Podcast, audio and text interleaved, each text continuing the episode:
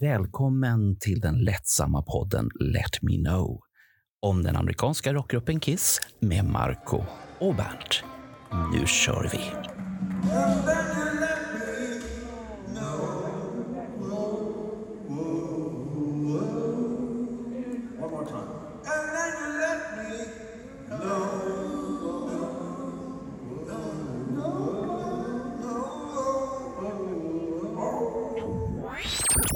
Alla bara här, mitt i cyberrymden, mitt i allas poddläsare, så är vi alla tre. Eh, hej Marco förresten, du skulle ju presentera lite grann. Ja, ja, men du, du, du, du är ju alldeles till det här och satt igång hela presentationen. Ja, men För att här, idag min- har vi ju en... eh, Det är ju fortsättning på vår fotografserie här nu. Mm. Kända Kiss-fotografer i Sverige som har plåtat Kiss. Och Ja. då har vi Ulf Lorenzi här som idag som gäst. Och han kom jag i kontakt med 96. Jag vet inte om vi träffades. Ja, på något sätt träffades i alla fall. Men jag kommer ihåg att idag är han inte lika hårfager. Han, håret har ramlat ner här istället på skägget. Då. På Ja, den men- tiden hade han stort blont hår. För det var det som var på hans den här eh, redaktionsbilden i tidningen. Ah, men men Stort vet du vad Marco? svalligt. Ja, Ja. men Marco, det är gravitationen, den gör den. Den, den gör så med en del. Jaha, jag trodde det var åldern bara. Så att det, nej, det nej, nej, hända. det, det här är gravitation. Frå, Okej. Fråga en fysiker så får du Ja. höra. Mm. Men, Eller, eller så har jag passerat trädgränsen som man säger. När huvudet växer. Helt plötsligt sätter det... Ja. Håret har bara en viss nivå här. Och sen, okej. ja. Ja. Ja, ja. Så, att, så att Men, så egentligen... väl, välkommen Uffe! Tack ska du ha. Tack ska Det är, du ha. en, det är en ära att få ha dig här. Och senast vi träffade dig, Bernt och jag, det var ju uppe i Dalhalla när vi Mm, mm. sammanfattade första spelningen där. Ja. På natten ja. Ja, på natten, klockan tre på natten med massvis med roliga ju inte, historier. vi gick inte och la oss för att Ulf och hans rumskamrat var så otroligt fascinerande. De Ja. hade så mycket bra grejer att säga så att vi gick ju aldrig och la oss. Jag Jag förstod, jag, förstod att någonting där kanske jag sådde ett frö. Att de, den där snubben vill de säkert prata med någon gång. Ja, så Men- du planerade det så? eller? Nej, jag vet inte. Jag kommer inte ihåg vad jag sa då, för då hade vi haft väldigt kul eh, ett tag. Så att jag vet inte allt som kom ut ur min mun den kvällen, eller natten. För det tog ju oss nästan två timmar att ta oss tillbaka efter konserten där. Det var ju fullständigt ka- ka- kaos. Men ehm, vi bestämde oss för att vi skulle sitta kvar och prata en stund. Det här var ju Mm. viktigt Ja. att analysera. Ja. Framförallt ha- det trevligt. Och det var det vi gjorde och vi kom ju fram till att det var bra. Fast det var blött. Ja, Men- blött men- bra. Men jag Ja. måste ju få skryta lite. Jag har ju känt Ulf mycket längre än så. Jag tror det är 1966 eller någonting sånt. Oj då. När, Så eh, gammal är ju inte jag ens. Nej, ja, i min, min fantasivärld så är det det. Ja, ja. Och då, då var det en väldigt ung man, väldigt, väldigt ung. Och jag har för mig att vi träffades på Stockholms centralstation. Kanske. Vi i alla Det fall gjorde vi. Mm, det vi gjorde vi. skrivit brev till varandra, det vet jag. För det gjorde man på den tiden. Man skrev Vad, brev. vad, vad sålde du till Uffe då? Eller vad, vad hade du med dig till honom då? Kommer du Ja. ihåg vad du hade med mig då? Vad du hade med dig då? Efter Ja. kanske ett halvår eller ett år eller kanske ett och ett halvt års väntan. Så till slut eh, mötte jag denna uh, mytomspunna person med ett stort rör fyllt med någonting. Det kommer du väl säkert ihåg. Då pratar vi rörpost. Eh, Alltså det här måste ju vara 1977 eller Mm. 2017 eller 2008 eller jag vet centralen, jag kommer ihåg Ulf. Ulf ser inte ut som han gjorde då. Han har helt förändrat hela sin, eh, jag vet inte, det, det var en sån här eh, tonåring var det då, tror jag. Ja, men det, det, var, det var väl Vi naturligt. alla har varit tonåringar någon Ja. gång och Ja, jag det- var väl det då mellan 80, 81 till, eh, ja vad det nu blir, Ja, 80, det, 87 kanske. ja, det, det, vet, det vet jag ingen om. Jag, jag vet bara att jag var 16-17 år, Ja. sen så vart jag farbror.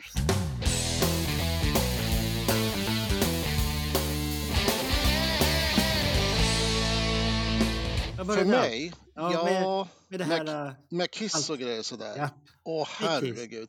Alltså, om jag ska vara ärlig så var ju inte, jag, jag visste nog inte så mycket om hårdrock eller Kiss på 70-talet överhuvudtaget utan jag snöade väl in på det här som alla andra grabbar gjorde, det var ABBA och Björn Skifs och allt det här. Va? Det, en, det hårdaste jag lyssnade på det var ju Sweet vid något tillfälle där 74. Jag fick eh, en platta av min syrra där, Sweet Fanny Adams. Fantastisk platta fortfarande. Well,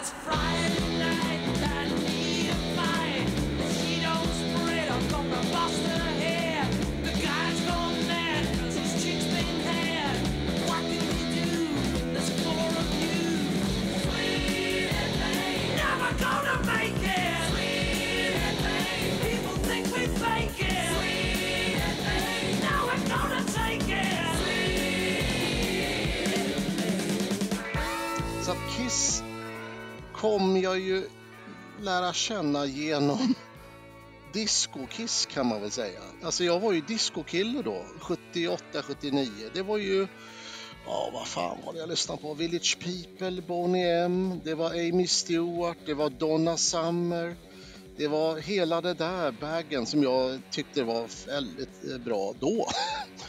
Eh, Var sen- du djup, djupt i det träsket alltså? Ja, var ganska djupt ner i träsket. Hade affischer med de här, eh, alla Oj. de här. Ja, Jag, Och jag, är stolt, jag är stolt över dig Ulf. Du är Ja. precis så här spretig som, som vi har förväntat oss att du är.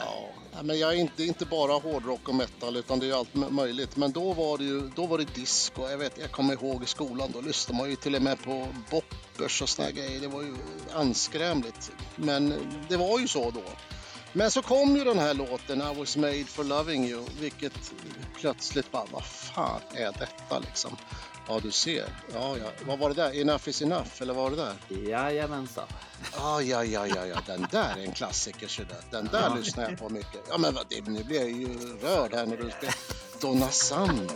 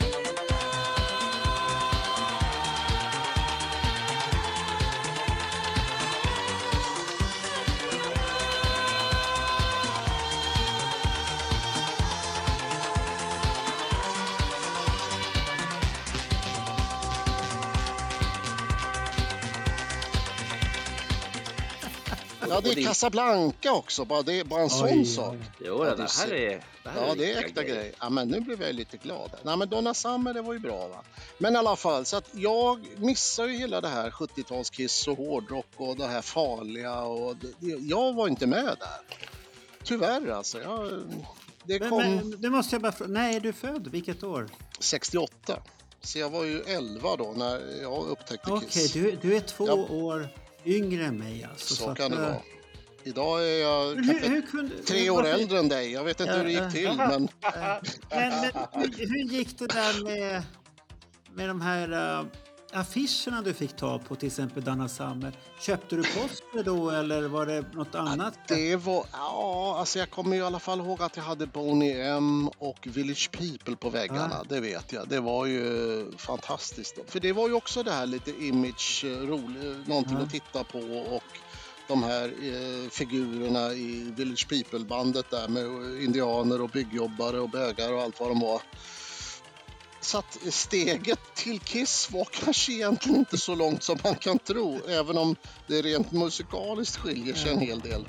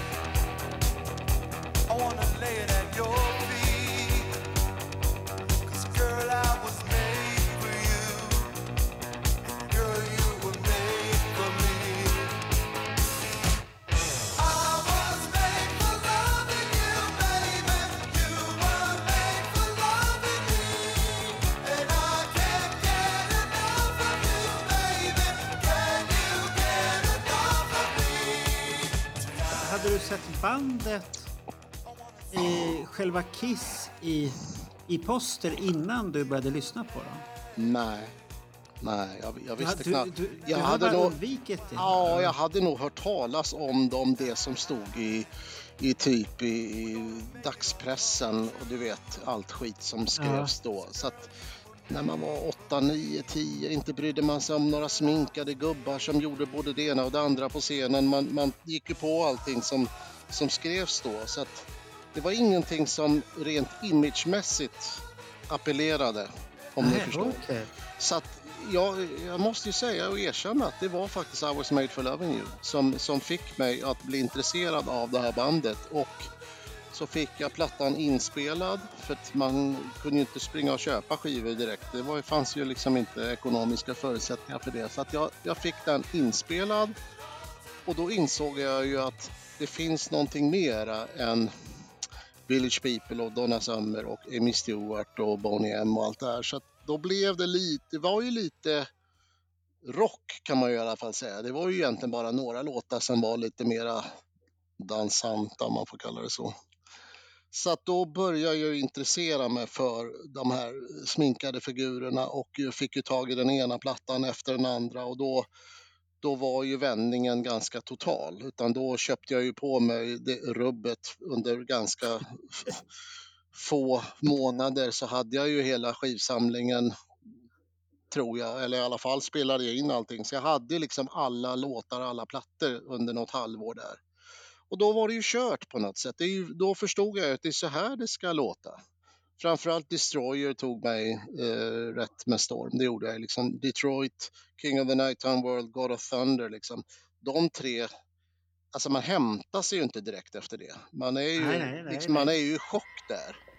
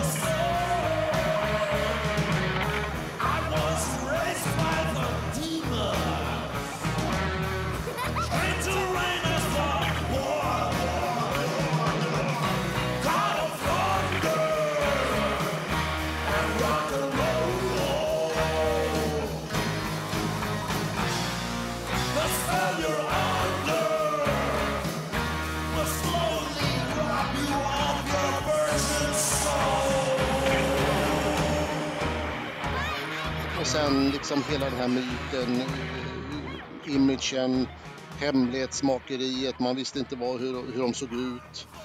De var ju liksom figurer som man blev fascinerad av som liten grabb då. Så det, det är klart att Var de... du- Ja. Ja, Var, du, var du ensam i ditt kisseriande där hade du vänner runt omkring dig som var på samma sida eller? skolkamrater som hade plattorna eller hade band. Man spelade ju in band åt varandra då på den tiden. Men ingen som var fanatisk, inte på det sättet. Jag, jag, blev, jag drog sig in i det där ganska snabbt och så stöter man ju på då några nära. eh, En kille som heter Janne Mathisen, jag vet inte om ni vet vem han är men... Mm. Oh, säger Ja, jag- jag känner Janne. Janne Ja. Mathisen.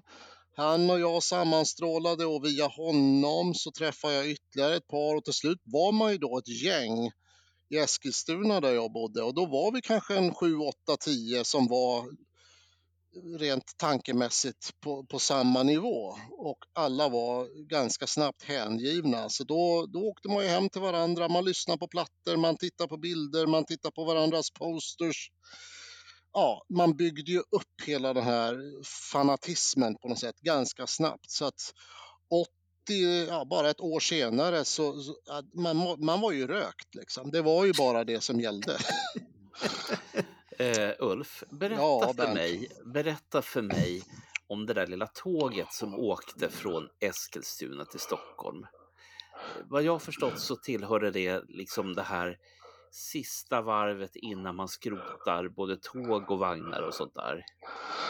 Det skakade, hoppade och det var, ja, det var Ja. utmanande. Alltså Eskilstuna, Stockholm med tåg åkte man ju några gånger. Alltså det var ju stort att åka till Stockholm då.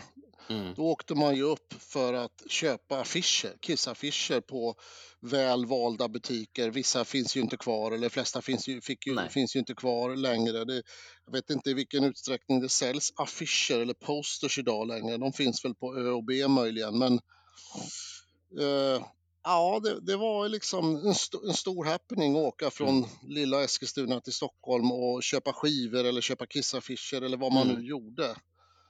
Och eh, ja, det var väl på en av de där resorna som jag stötte på dig då och eh, fick då min rulle med ja, 5-10 kilo kissaffischer till slut som jag hade väntat på länge. Det, det, vet, det vet absolut ingenting om. Nej, du kommer inte ihåg detta. Men det, jag, jag, skulle, jag skulle gissa att det här var 82. Möjligt tidigt 83. Jag har inte riktigt koll, men någonstans där. 82, 83. Då har du fått Beställde, jag och Janne då, Mathisen som Mm. jag pratade om, i princip alla posters som du då skickade ut via Fancenter då, Ja. att man kunde köpa av dig. Och jag prickade väl i, i princip rubbet två ex av varje och sen det dröjde och dröjde och till slut hade du fått dem till, till dig. Vi trodde ju först att du hade blåst oss x antal gånger men de fanns där. Så att eh, Mm. du, ble, du blev förlåten till slut. Ja, men så, så jag, har, jag har låtit mig intervjuas av en eh, liten tidning som heter Sweden Rock. Eh, och vi kommer att beröra det där ämnet lite grann. Det kan, jag, det kan jag avslöja. att, att du lurade? Ja, jag lurade alla såklart. Ja, ja. Och Ja, Ulf, eh, Ulf visar ju upp här nu hur mycket jag lurade alla. Ja. Så att det tycker jag är... Ja. ja men han Det- sa ju att han förlät dig för att han Un, fick ju... under en period så var jag helt och fullt övertygad om att du blåst mig på de där pengarna som jag någon gång hade betalat in i förskott. Mm. Och eh, efter ett halvår, eller ja, möjligtvis till och med ett år, fick se Oj, resultatet av. Jag Ja. vet inte. Det var, det, var, det var eh, jobbigt för en liten pojke då på Mm. 14 år eller vad jag nu var, 13-14. Jo, nej, men det där kommer jag ihåg. Alltså, i, amerikaner är ett särskilt släkte. De tänker som så här att nu postar vi de här affischerna till Sverige. Det kan inte kosta så himla mycket. Det är bara det att gör man det, då skickar man med båt och då tar det länge, lite länge. Och eh, det var ju precis det de gjorde de små liven. De skickade med båt. Och inte vilken båt som helst utan en jävla bananbåt som kan ta Ja men det, det var ju för att det är billigare på det sättet. Jo, men det var inte det jag hade. Jag hade pröjsat för flygfrakt eftersom det finns ju inga Jaha. Kiss-fans i världen som vill vänta ett år eller sju eller 19 på, på sina Kiss- Kiss-affischer. Så, så, du spelar... vart, så du vart blåst nu igen där man. Ja, men eh, visst, i, i den här jättekollektionen som du fick, jag har till och med svagt minne av att åt helvete att packa ner med det där jävla röret. Men eh, visst hade du med de här jätteaffischerna, de som var en och en halv meter breda? Jajamän, de så Oh. kallade Bauta-affischerna. Ja. Ja, vi beställde ju två ex av dem var och jag, jag har faktiskt dem kvar i ett förråd cirka fem meter härifrån. Så att de där är svåra att släppa. Jag har ju funderat på om jag ska göra av med min samling och har ju sålt lite grejer. Men det är svårt att hitta rätt köpare och eh, känslomässigt så kanske jag inte vill bli av med dem riktigt. Men samtidigt, vad ska jag ha dem till när jag börjar bli liksom närma mig pensionsålder här så småningom? Alltså det där är ett litet psykologiskt dilemma man har när man börjar bli till åren. Ska man sälja bort hela sin historia, någonting som man har njutit av och beundrat och haft på väggarna och sådär? Jag, jag, Ja. har, ett, jag har ett förslag eh, som, är, som är lite seriöst och så lite med glimten i ögat. Eh, det finns ju på Nationalmuseum så finns det ju en Rembrandt-tavla som inte är Nationalmuseums utan eh, det är någon som har deponerat den för 400 000 spänn per år.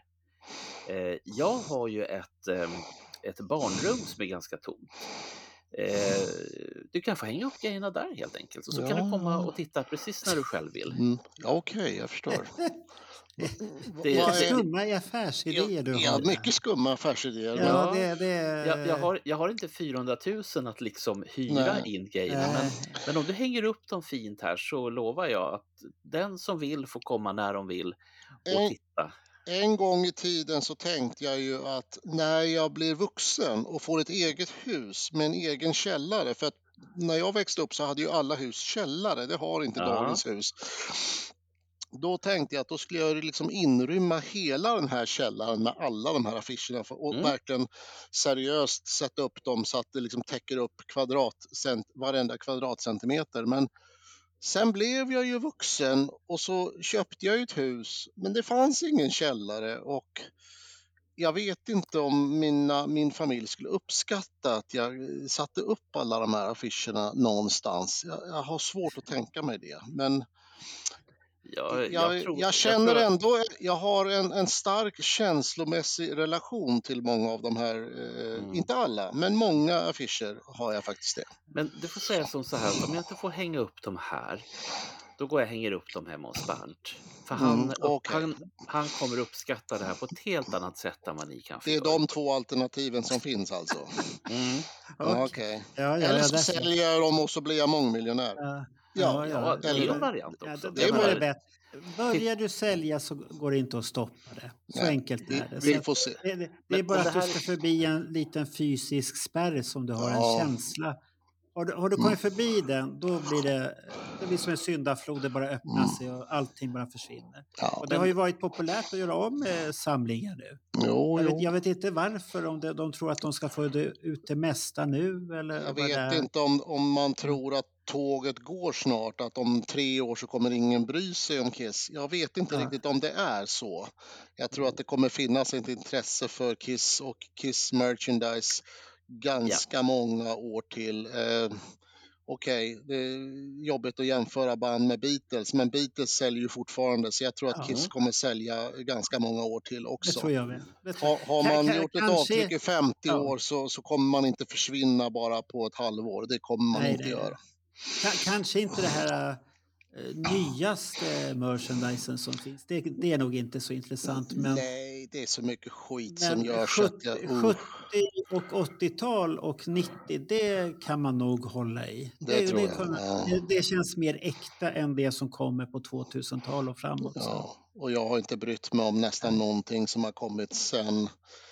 Ja, om jag ska vara då ärlig då igen då, så mitt, mitt riktiga engagemang för bandet kanske det avtog i samband med farewell-turnén då med originalbandet 2000-2001. Där. Efter det så har jag mest hängt på och naturligtvis sett dem alla gånger, x antal gånger ändå. Men inte varit lika känslomässigt engagerad som jag en gång var. Fast, fast du har ju sett lycklig ut varenda gång jag har sett det på spelningarna. Jag trivs fortfarande och jag är glad att jag, att jag är och har varit en fan därför att det, det, kommer aldrig, det har aldrig funnits och det kommer aldrig finnas ett, ett band som Kiss. Så därför så är jag glad och eh, förundrad över att jag har växt upp och fått bevittna detta nästan lite mirakelliknande band. Eh, Jag är glad för det faktiskt. Ja. Så att eh, det är klart att eh, nu senast bara tänkte jag, ja det här kommer jag aldrig se igen. Det, det kommer aldrig vara någonting som, som är som det här. Jag kommer aldrig känna någonting liknande som jag gjort för det här bandet. Så Nej, det är nej. klart att, ja då, jag är glad. Men jag är inte fanatisk längre. Det är jag inte. Nej, nej, nej. Det, jag tror de flesta är... Det kan ha Som, med eh, åldern att göra i och för sig. Men, men ja, Ja, reunion-turnén och några år efter det, då var man ju fortfarande, och dessutom hade jag ingen familj då, då var det ju fortfarande riktigt jävla roligt. Då, då Ja. kände man ju att då var det på riktigt några år till. ja. Det, det kan, Men- ju, vara, det kan ja. ju vara så här också att, eh, att din läkare säger att så där upphetsad får du inte bli. Det är inte nyttigt för Nej, hela pumpen. det är ingen, lä- läkare tycker att det är bra att det händer någonting i blodomloppet också, Mm, känslomässigt. ja. För det är nyttigt för hjärnan.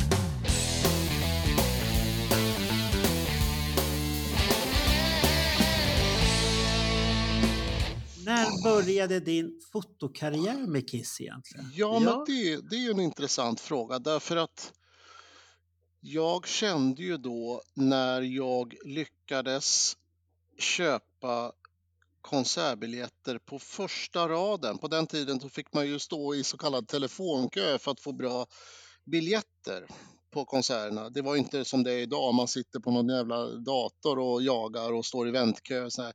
Utan då hade man ju, ringde man upp då om det var Svala och Söderlund hette det på den tiden. Det kommer ni Mm. kanske ihåg. Ja. Och då ringde man upp dem och, eh, och fick då beställa x antal biljetter. Och då fick jag ju till rad ett på, jag tror, ja det var ju framförallt Stockholmsgigget då 1984. Året, eh, alltså andra turnén som jag var med på. Jag missade ju då 80 och 76 då tyvärr. We Love you, Stockholm!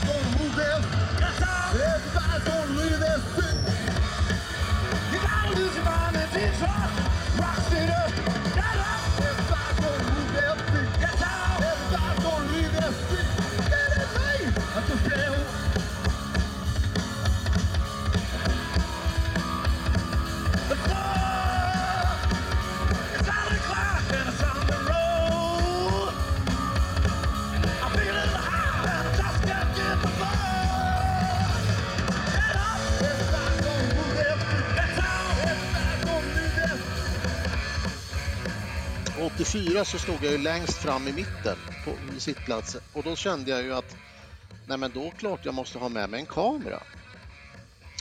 Så, och jag hade aldrig hållit i en kamera i hela mitt liv så jag, jag visste ju nada. Jag, jag kunde ju ingenting om foto på den tiden så att som 16-åring så lånade jag med farsans kamera som hade en fast slutartid på en 60 sekund. Ni som är fotografer, ni vet vad det innebär. Så att jag stod där och plåtade Kiss när de spelade och fick väl i alla fall ett 5, 6, 7 lyckade skott på den här konserten. Eh, framförallt på Jeans bassolo där med grönt och rött. Och, och när jag såg de här bilderna då blev jag så fascinerad av foto. Att jag kunde få en sån känsla av att här står jag längst fram och i princip aldrig har hållit en kamera men fick en del jävligt bra bilder. Med inga medel egentligen, inga kameror att tala om. Så kände jag att nej, men det är ju det här jag ska hålla på med. Jag ska bli konsertfotograf. Så att inte bara just Kiss, men eh, det, det var där den idén. Jag skulle bli fotograf och jag skulle ägna mitt fotograferande framförallt att plåta rockband. Det var, det var det som var grejen då. Så att efter det så blev det ju på något sätt via lite olika tidningar och så här och man var ju tvungen att vara akkrediterad och, eh, och få fotopass. Det var ett helvete bara det då. Och åka på alla de här banden, AC/DC, Judas Priest, Deep Purple, Motley Crue, Oj, eh, oj, oj. you name it. Va? Alla de här giggen på Hovet plåtar man ju då på den tiden. Men man fick ju bara plåta fem låtar tror jag det var. Sen fick man ju då stå längre bak i publiken. Först stod man ju då i fotodiket och sen fick man gå ut i publiken och plåta. Men, men jämfört med idag så det var ju det ganska bra arbetsförhållanden. Idag tror jag man får typ två, max tre låtar, sen får du lämna ifrån dig kameran. Va? Och då kan jag säga så att det är inte så jävla roligt att vara rockfotograf idag, eller i alla fall tidningsfotograf, för du får, du får inte tidsmässigt möjlighet att plåta riktigt bra bilder. Sen finns det en del som lyckas ändå, men det är inte så jävla roligt att plåta liksom eh, Detroit Deuce, Shout It Out Loud och sen får det gå. Mm. Förstår ni vad jag menar? Då har du tio minuter på dig och du får stå där i råttvinkel. Eh, nej, det blir sällan bra. Så jag, jag tycker inte att det är så roligt att plåta musik heller under de förutsättningarna faktiskt. Jag blir lite nyfiken på en grej om vi ska gå tillbaka i tiden då till 1982, på den tiden som man plåtade riktig film. Mm. Och riktig film kostade pengar att köpa, det kostade pengar att framkalla och så skulle man kopiera, man kanske skulle ha förstoringar och sånt där.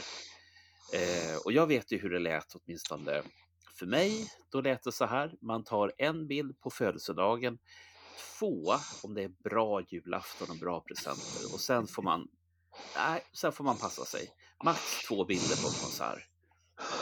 Ja, så har jag nog aldrig riktigt tänkt, utan det var ju, man hade ju ett gäng rullar och man, man plåtade ju så många man bara hann. Och tyvärr vart det ju mer kvantitet än kvalitet, kanske ibland. Mm. Och tyvärr har jag ju ett, ett bistert minne när jag eh, tog med mig kameran på Olympen i Lund 1984, också på Ah. Kiss där. Och stod längst fram och stod och plåtade rätt mycket bra bilder, vill jag minnas. Visade Mm. sig att jag inte hade fått fast filmen i kameran, så jag hade slått alla bilder på samma ruta. Uh. Den, den svider ju än idag kan jag ju säga. För där hade just historiskt sett, och det var ett ganska intressant gig, det är ju en liten scen. Loggan var liksom bakom hela scenbygget. Det var en intim spelning på det sättet. Och att föreviga det från typ fem meter, fem, sex meters håll, ganska coola bilder vill jag minnas att jag tror att jag tog. Mm. Och så blev det bara pannkaka av alltihopa. Det vart ju lite stökigt i min hjärna Ja, där. jag har gjort det där en gång. Jag, jag, jag, jag om någon kan, jag kan lida med dig Ulf. Ja. Jag förstår känslan. Jag har några eh, min, minnen eh, som är relaterade till Kiss som svider kan jag säga. Mm. Det där är ett av dem. Men, men det värsta är ju när man åker förbi Skandinavium 1980 samma kväll som de spelar och man får, får inte gå in. Den, den är rätt Ooh. tung faktiskt. Du var ju där Bernt, men, men Ja. jag var ju Mm. 12 och jag lyssnade på mina föräldrar och sa, och sa de att man skulle åka någon annanstans, då gjorde man det. Mm. Det var ingenting att diskutera på den tiden. Ja. Så jag, ni jag, åkte bara förbi där? Och Vi åkte förbi, vi skulle hälsa på bekanta då i Göteborg, som vi, vi var i Göteborg då. Så att, eh, ja, jag då kan- tycker jag ju i efterhand att de kunde ha släppt av mig där och hämtat upp mig några timmar senare. Men Ja, ja, ja. Jag delar din uppfattning. Jag vet inte, är det en tröst om jag säger att jag har gått runt halva Skandinavium i- nu i helgen? eh, jag vet inte om det hjälper mig i mitt minne på något sätt. Jag, jag processar inte detta minnet Nej. bättre, Och- det gör jag nej. inte. Och, och, och sen en liten bit därifrån så sprang jag på, eller jag sprang på, jag bad honom fint och försiktigt, eh, Carl Linnaeus, som kom då med en liten bok som Ja. han och någon kompis till honom hade skrivit. Ja, Eh, och så, ja, den, den får jag nog i posten imorgon om jag har tur. ja. Den av just Karl. Så att, eh, Ja. Nej, jag, jag, jag har fått min idag faktiskt. Ja, vi får se om den dyker upp imorgon här. Men... Ja. Jag, jag har något, något kräftsklotter, det, det är svårt att läsa vad det är, men Ja, ja, ja. det, det är gjort med Eh, känsla och kärlek, så jag, jag tror att det här är, det, det är jättebra. Hej, jag heter Carl Linnaeus. Och jag heter Alex Bergdahl. Och eh, nu lackar det mot jul och vad passar väl bättre än hårda klappar under julgranen? Och därför har vi skrivit en ny bok om Kiss som heter Time Traveler. Köp den direkt. hur kom du i kontakt med de här eh, Johan Kilberg och dem? Då, Åh herregud. Och, och, det, och det gänget, för att det här börjar det ju bli intressant för att då hade ju Kilberg en tidning han gjorde och vad jag vet så är det ju rätt så många bilder som är dina i de här första numren. Mm, ja, eh, vi pratar väl där runt 92 kanske. Gör vi inte det? Pratar vi bilder från Ja. Englands turnén Revenge 92 där? Ja. Då var det ju jag och min kära bror som skötte layouten på, det, på den lilla tidningen som vi gav ut den sommaren 92, innan du kom in i bilden. Ehm, det, var ett, det var ett helvete kan jag säga att göra en, en, en eh, fanzine när man knappt visste vad en dator var kan jag säga. För jag var ju total amatör på den tiden. Så vi, det tog många, många timmar att få ihop det där. Den där eh, revenge-blaskan kommer jag ihåg som jag och Johan och kanske någon mer var inblandad i. Mats var ju också säkert med. Mats bilder var väl säkert med också i någon form. Men det var mycket mina bilder, det vet jag. Eh, ja, när träffade jag Johan? Eh, oh, 84, 85 kanske.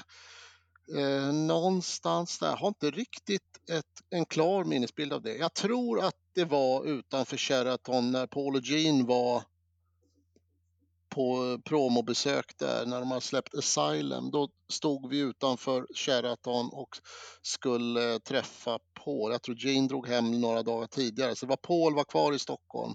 Då kom Paul ut och signade lite plattor och pratade med oss tio tappra fans som stod ute i kylan med våra skivor. Han var ju trevlig men, men eh, det är möjligt att jag stötte på Johan där. Jag, kan, jag måste faktiskt prata med honom om det. När träffades vi första gången? Jag vet Ja. inte. 84, 85, någonstans där var det. Ja, ja, då, Du att, kanske, eh, kom, du kanske kommer på det på samma sätt som att du kom på just det, centralen, jättelångt rör, fick vänta Ja. jättelänge. Fast ja, ja, jag vet inte fan när jag träffade Johan första gången. Det kan ju, I och med att jag kände Vassfjord då, Mats Vassfjord och han hade nog kommit i kontakt med, med Johan innan så via honom någon gång så styrde de säkert upp någonting så att jag träffade Johan där mitten av 80-talet. Ja, ja jag måste Men- kolla upp det exakt men- om, om ja. Johan minns. Jag vet inte. Ja, ja, jo, han, minns säkert det där. Ja, det gör han säkert. Men, men när det gäller den grejen så, jag vet ju på den tiden då så höll ju Johan Kilberg dig väldigt högt. Okej. Han sa att det här är den här, här är mästerfotografen. Mm. På den Man- tiden man- gjorde han det. Ja, ja, på den tiden gjorde han det i alla fall. För att man har ju, eh, så länge som jag har jobbat tidningar så rangordnar man ju fotografer. Så att Mm. jag vet vilka bilder jag tittar extra noga på, vilka bilder jag inte tittar så jävla noga på. Och sånt. Mm. Det blir ju Mm. automatiskt så det är de man jobbar. Att man kan hitta godbitar som inte fotografen själv har tänkt på. Det, det har jag Mm. fått höra ut Erik Hellqvist att varför tog du den bilden? Ja, du får se. Sen har han förstått det sen han har sett layouten Ja. och sånt Jo, där. men alltså jag, i och med att jag fastnade för det här med foto och just konsertfotografering så det vart liksom min grej och jag, jag vet att jag har många bra skott liksom eh, så un, under my belt så att säga. Men och 92, ja, jag plåtar ju rätt mycket på turnén 88. Jag vill plåta ganska mycket på turnén i USA 1990. De bilderna är ju Ja. ruggigt bra. Va- Vasse och jag har ju väldigt likartade bilder där. Mats Vassfjords bilder och jag plåtar ju där. Vi träffade Eric och vi fick plåta trumsolot.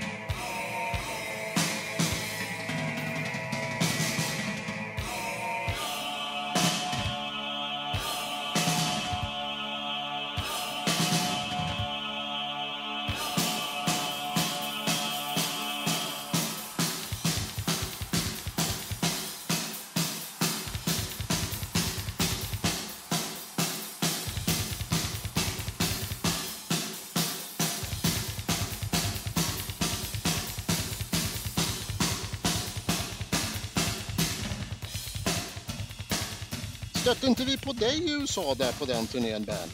Visst träffade vi dig? Du var i USA 1990. Jo Bernt, vi träffade dig där. Han, Så- han var på Hot in the Shade men han vågade inte träffa några för han var rädd att ni skulle döda honom. Jaha, så, ja, Ja. jag har en minnesbild av att du var lite, du såg lite skärrad ut. Det vet jag. Mm. Ja. Så var det, så du kanske inte vill ge det till känna. Men jag har en minnesbild av att vi stötte på varandra som hastigast innan en konsert. Om det var i Fairfax utanför Washington eller någonting. Jag kommer inte ihåg vilket gig du var på, men någonstans där. är- Jag vet vart det var. Ja, Det var var det i- någonstans då? Det var i Albany. Albany var det. Det var ju vårt Du- andra gig. Albany, New York State, ja. Du har, ha, du har inte hört historien alltså? Nej, inte från dig i alla fall. Ska vi ge oss på nej, den vi- repris? Nej, Inte- nej, vi, vi- kanske inte ta den. Nej, vi, tar har- den sen. Du har berättat den historien Bernt. Vi, vi kan bara säga att han, han vart erbjuden att ha eh, backstagepass och sånt där men den här mannen tackar nej. Oj då, oj. Ja. Det är en dödssynd idag. Ja, det är en, 30 han, år ska, sedan. han, ska, han ska ha en t-shirt där det står jag var dum. Ja, ja, ja. ja. Jag ja var men, dum. Ja, men Och sen ska det stå en förklaring på ryggen varför han var dum då. det, är ju, det är ju nästan i klass med att åka förbi Skandinavium den 10 oktober 1980. Mm. Ja, det där är inte bra inte. Nej, det där, det där är inte... Det, det, och det är så konstigt alltihopa. Och, och han, har ju, han pratar... Är det med... Vem, vem var det vi pratade med? Var det med... Vad Det hette var han? Johan Ola- Falk. Nej, nej, nej. Nej, nej, det var, det var podden var... Var det Ola eller Olle eller vad hette han? Olle Linderholm, ja. Ja, Olle Linderholms podd. Att han, han var ju med dig på resan. Ja. Och vi ringde upp Johan Falk och Johan Falk tyckte, han sa, "Nej, jag gick ju fram och jag, och då, då så säger "Ja, jag var rädd att ni skulle bli arga på mig. Johan Falk förstod ingenting. Varför Nej. då? För jag, jag tror ing, om man säger bara kort den där historien så tror jag faktiskt det är ingen som var arg på dig överhuvudtaget Bernt. Att det där Nej. var grejer som du hade i huvudet istället. Där. In my head. Ja, in, in your head bara. Och det, var, och det var dumt för det förstörde för dig själv istället. Ja, jag fick inte gå på efterfest. Jag fick inte gå på eh, förfest. Nej. Eh, Jag hade pass och hela... Ja. Men, men eh, jag kände att I'm not worthy, I'm not worthy. Och det enda som jag ville ha, det var biljetter till konserten. För vi, vi förstod inte hur man skulle köpa biljetter. Eh, Och då ringde jag och ljög. Jag gjorde det. Ja, det, det klarade du av. Mm. Fast du var inne i garderoben och allt. Och ljuga kunde du göra för att få biljett. Det där, det där, eh, det där låter jag- lite planerat tycker Ja, jag, jag Okej. erkänner att jag ljög också. Det är ingen Ja. hemlighet. Och, och det, Ja. var inte ens, det var inte ens svårt. Jag bara, jag bara ljög. Ibland måste man ju ljuga lite grann för att få det man vill ha. Sen Mm. finns det ju en gräns där lögnen blir plågsam för en själv. Vågar jag verkligen yppa de här orden? Därför att det blir förnedrande för en själv att, Mm. att ljuga så in i vassen hårt. Ja. Och eh, rövslickeri och annat som man måste ägna sig Nej. åt för att Nej, få tack. pass och sånt där. Det klarar inte jag av. Jag, Mm. så det, jag har aldrig varit en bra manlig groupie till band som jag vill träffa. för att jag kan inte rövslicka. Det går inte. Nej. Jag har någon form av, av eh, vad ska jag säga, inte prestige men eh, Värdighet. värdighet. Det var det ordet jag ville vill ha. Och, och, Eh, Precis som jag har. Jag har Ja, jättesvårt för det. Ja, jag jä- går inte. Sen, Vill- sen vill ser man ju det- andra som är experter på det och då får de hålla på och då får man också acceptera att de kommer nära banden. Ja. Sådär va. Men jag ägnar mig inte åt det där. Nej, jag har gjort nej. det vid några tillfällen när jag varit desperat men jag har mått psykiskt dåligt efteråt så då har jag liksom gjort redemption efteråt. Det där ska jag inte hålla på med. Mm. För att få Jag- fotopass och du vet, man får hitta på både det ena och det andra. Va? Framförallt fotopassen var ju inte så lätt att få. Man fick ringa upp skivbolag och helvete vad man fick smöra och förklara hur viktig och stor man var. Liksom så. Det var, Men, du som ja. var, det var du som var huvudfotograf på Expressen. Sveriges Ja, största ja. Får, dagstidning. jag, får jag fråga, hur, hur stor var du när du fick förklara det där? Ah, jag, så stor var jag inte, för det, Men- den lögnen hade jag inte kunnat leva med. Det hade jag inte. Men, men det är klart att jag berättar ju om de här reportagen. Jag var ju från Eskilstuna och det fanns ju lokalblaskor som jag visserligen hade Ehm, ja, det jobbar ju faktiskt där som fotograf. Så att jag, jag ljög inte så mycket kan jag säga. Jag friserar eh, sanningen möjligtvis lite grann, drar lite grann i tåtarna, vilket jag än idag gör. För det är ju en bra story kan man få till bara man twistar lite grann sådär. Mm. Här, håller jag, här håller jag mig till sanningen förstås, det förstår ni. Ja, Men ja, Men det här- Man saltar på rätt ställe. Man måste salta på rätt ställe och, och i rätt mängd. Ja, Men, men då ljög inte jag, utan jag bara hade, miss, jag hade bara missförstått vilken tid som vi var i. För det som Ja. jag sa var sant, fast inte just då, utan Nej. förut. Ja, Så att hade jag gått in i en tidsmaskin tillbaka till det året, då hade jag inte... Ah, ja, men ljugat så, alls. så vart det inte. Där.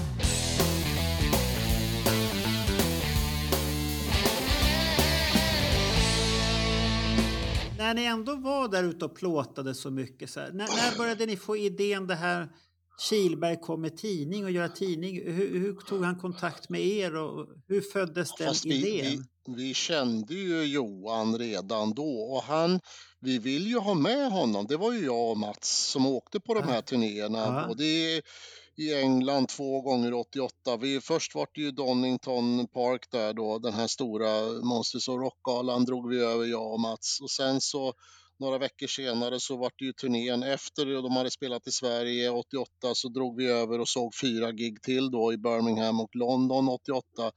Och då, jag tror i och för sig att vi smugglade in kameror några gånger där.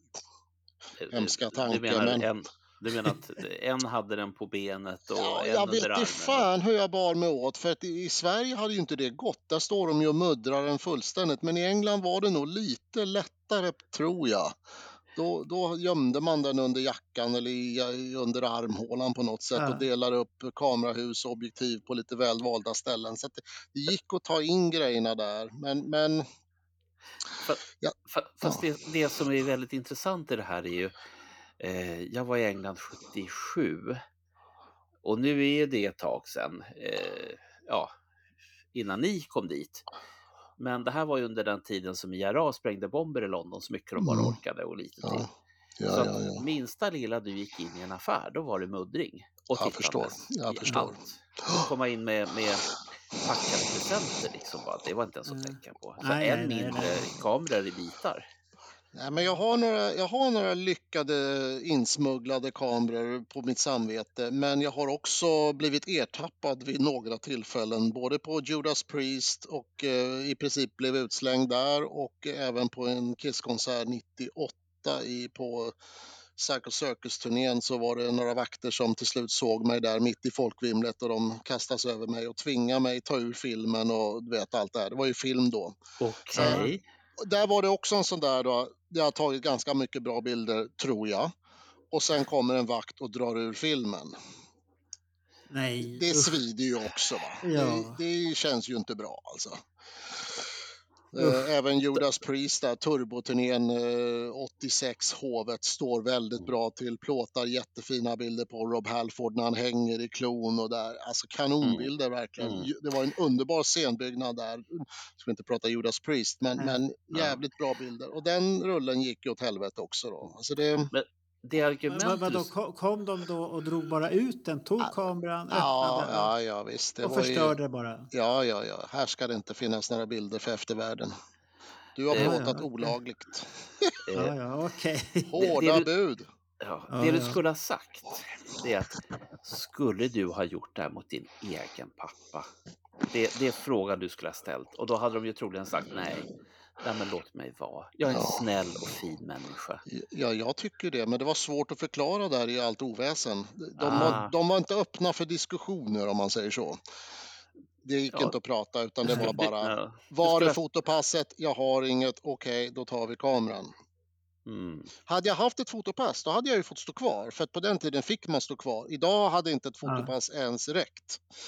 För du, du åker ju ut efter x antal låtar då beroende på vilket band du ska Jo, plåta. jag har hört om en sån fotograf som hade otur.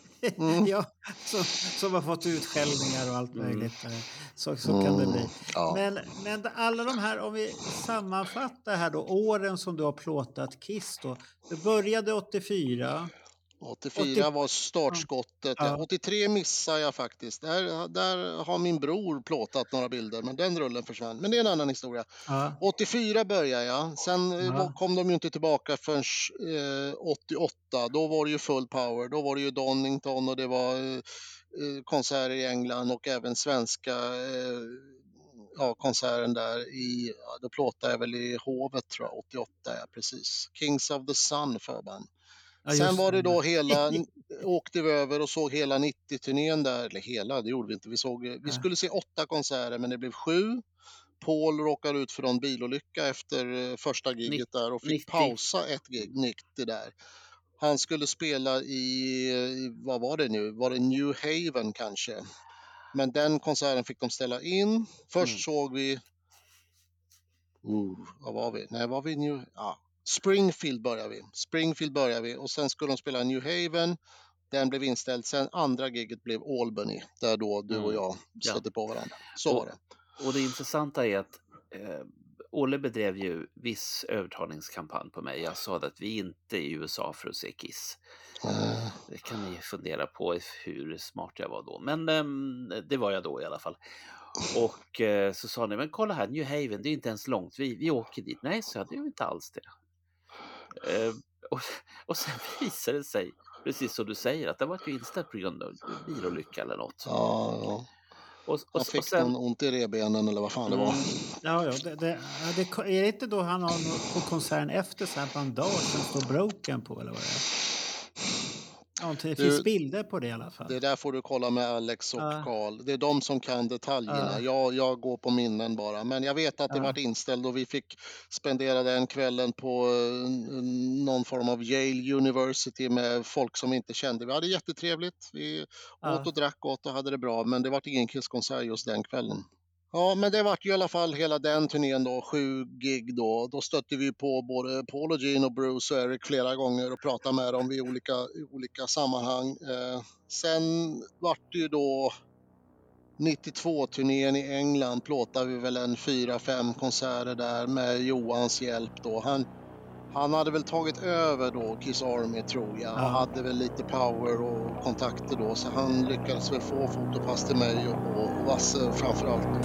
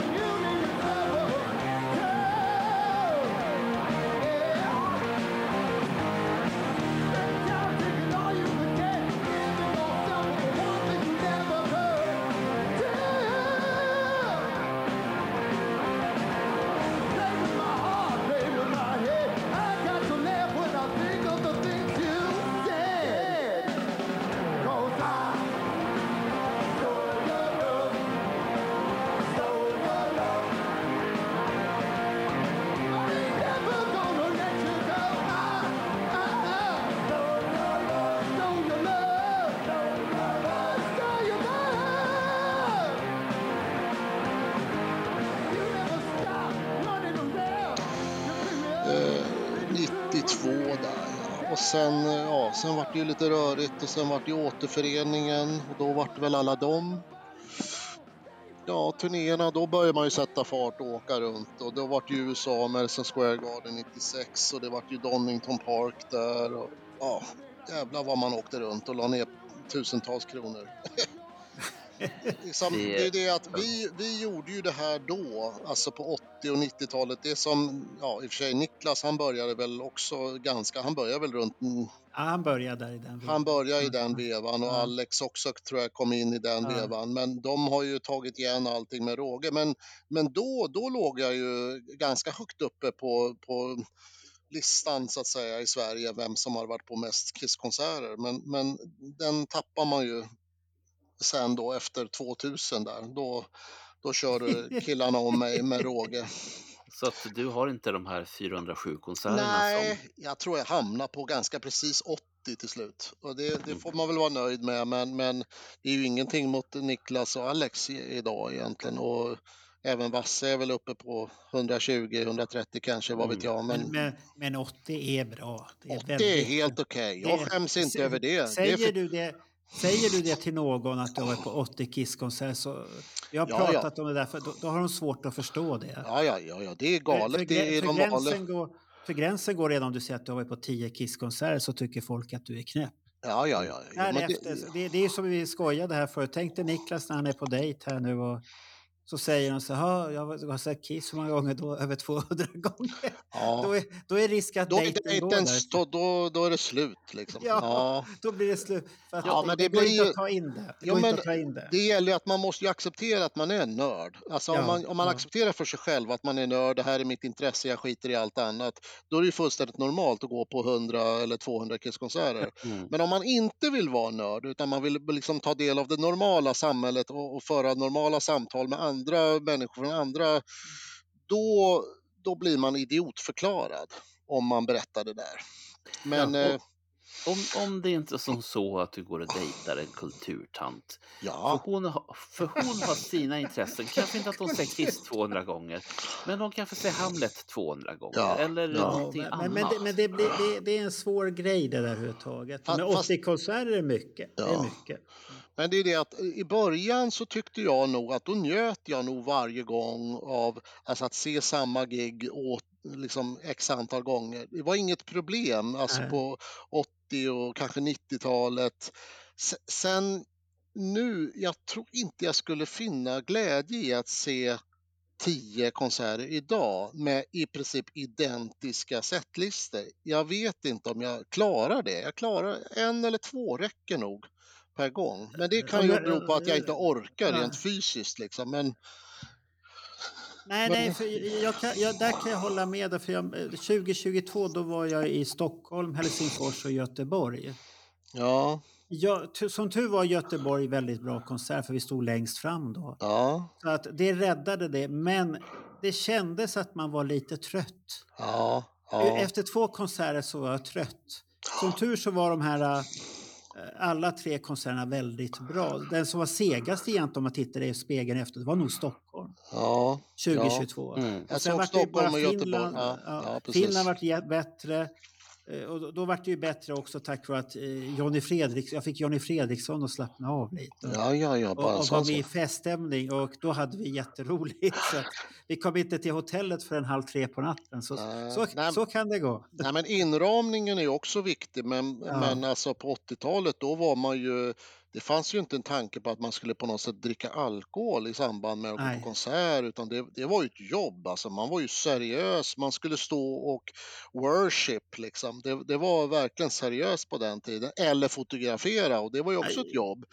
Och, och jag har Mm. tänkt på det idag, Ja. många konserter som jag har fotograferat, där fokuset ligger på att få bra bilder med mig hem, de konserterna kanske jag inte har så bra minne ifrån därför att jag är mer fokuserad på att få bra bilder än vad som egentligen hände på scenen och hur det lät. Förstår ni hur jag tänker? Mm. Att, Ja, att precis. Du Ja, har mitt- jobbat. jag jobbar och fokus är på mitt uppdrag, nämligen att få bra Mm. bilder. Och då, i, i det sammanhanget, då är det jävligt viktigt att man går på en 7, 8, kanske 10 konserter på en turné, för då får man i alla fall minnen från andra konserter där man inte plåtar. Man behöver inte minnas alla 10. Nej. Men, och, sa- samtidigt har du väl det också när du ser en sån där turné och du följer med och fotograferar. Du vet vad som kommer att hända. Ja, ja Att- exakt. Att, att här vet jag att nu kommer de här eldarna här. Exakt. Och, Och då vet- när han går dit så ska Ja. jag stå där och då ska Ja. jag stå... Jo, Ja. men så har jag nog också tänkt. Och vissa konserter, jag vet när vi var över och tittade på Farewell-turnén 2000 där, då spelade de ju på såna här amfiteatrar, alltså där alla ser otroligt bra. Det är bara avståndet som skiljer. Mm. Och då hade vi ju, ja, vi hade väl någon form av eh, VIP-pass då, sån här laminatpass tror jag vi till slut fick efter några, några rövslickeriomgångar med Doc McGee och Tommy Tejer faktiskt som var turnéledare på den turnén. Det är ju helt sjukt egentligen. Så man stod och smöra för Tommy Tejer för att få pass. Ni förstår läget va? Ja, Jag, jag känner mig inte alls bekväm i den situationen, men jag, jag gjorde det på några ställen där innan jag fick det där jävla laminatpasset. Och då, kom, då kunde vi röra oss fritt i princip. Man kunde inte stå exakt var man ville, men man kunde stå väldigt bra, långt fram. Då känner jag, varför har jag inte min kamera här? Alltså, i princip Nej. inte en person framför mig. Jag står och har upp 10 meter från scenen. Allting bara händer framför mig och jag ser, ser och hör helt perfekt. Här ska jag ju bara stå och mata. Och Mm. Freely var ju, var ju smal och såg bra ut på den tiden. Så han, och även, alltså allting var ju kanon på den turnén. Alltså Fairway-turnén i USA, det, den var ju en kanonturné jämfört med Psycho Circus-turnén två år tidigare. Då var ju Ace storväxt om man säger så. Jag vet inte om ni kommer ihåg hur han såg Ja, ja. ut. ja, ihåg. Han var rundnätt. Det var inte roligt att ha de bilderna hemma Nej. i, på väggen kan jag säga. Det skulle jag inte ens fundera på att ha en, en storväxt freely på väggen. Men, men då, ni- 2000, då hade han bantat säkert 20 kilo och han var kanon alltså. Ha- Har, har du tänkt på en sak där när du sitter och pratar om bilder? 96-bilderna där. Ja, Eh, De kommer jag ihåg att vi skulle ha med i tidningen, 96-bilderna där. Eh, Och det jag reflekterade över när jag började jobba med de bilderna, det var att de var så jävla svarta. Det ja. fanns ju inget ljus överhuvudtaget förutom på gubbarna. Lite märklig scen och ljusposition. Alltså det, om man tittar tillbaka på hur de byggde upp scenen där så jag tror att det bara var alltså, någon ljusrigg i taket, några få, jag kommer inte ihåg exakt, men, men det fanns inga belysning bakifrån och inga skärmar, Nej, ingenting nej. som reflekterade ljuset utan det var bara svarta skynken och så var det Kissloggan Eh, du vet, de hade ju de här PA, alltså mm, förstärkaren de- som, som Den fälldes, reste sig. ja, som reste sig Ja. på King of the Nighttime World. Och sen, men det var bara svart, så att rent fotomässigt så var det ju inte speciellt roligt. Dagens inte- inte- scener är ju betydligt roligare, absolut, jag håller med. Mm. Fotomässigt, ja, så att många av de där, då är det bara liksom gubbarna som var... Ja, det, det, Mm. och det roliga är att jag tittar på sådana där bilder. Så jag skannade in de flesta bilder så jag har kollat på dem efteråt. och sånt. Ja. Man, man kan se någon spot här Ja, och var. Här var jag. Men, Men, men, det är totalt kolsvart. Och, det finns i, och sen tänkte jag, om, om jag skannar in bilden och sitter och manipulerar och tittar om man kan få fram... Nej, det, det, det, det finns ingenting. Nej. Det Eh, är- då, då var, det började bli bättre och bättre. Circus Circus-turnén Ja. vart bättre och sen nu är det ju rena liksom, färgexplosionerna bakom gubbarna idag. Va? Så idag har de ju förstått det. Va? Men, men nej, de- här bilderna från stadion, de är ju så tråkiga så att eh, Ja, de är usch, inte, ja. ja, hem, hemska bilder alltså. Så det är Ja, är ingenting, roliga. det är ingenting att skriva hem om alls. Alltså. De är där och de står och posar och Paul trycker upp sitt eh, plektrum på tungan. Så det finns ju tusen sådana bilder. Ja. Men, men det är ingen som vill ha en sån bild på väggen. Nej, för de- är väldigt... eh, Bernt älskar ju såna här bilder som är inzoomade. Det är ju väldigt mycket så här inzoomat. Japp, På grund av att det, att det inte finns så mycket annat som händer Nej, på scen. nej, nej, Då det blir sant. det ju här. Det blir Ja. bara den istället. Och det, Jag har, det är synd, för det, jag kommer ihåg där i början av Destroyer för att det var... Det var fan mig inte lätt med de där bilderna Nej. som kom där. Nej, För, för, tek, för tekniskt sett så var de ju jättebra. Det var ju skärpa och grejer på bilderna. Men nej, Nej. usch, nej, usch det är rätt platta och tråkiga bilder. Ja. Jag håller helt med om det. Så att, Men man, kan, man kan ju fuska upp dem med AI idag. Jo, det vet, det vet jag. Men, men om, om du kommer ihåg bilderna som jag visserligen tog ganska långt ifrån på, i Madison Square Garden där. Vet, Ja. Vi hade något mittumslag där när Ja. de kör Let Me Go Rock'n'Roll och så här.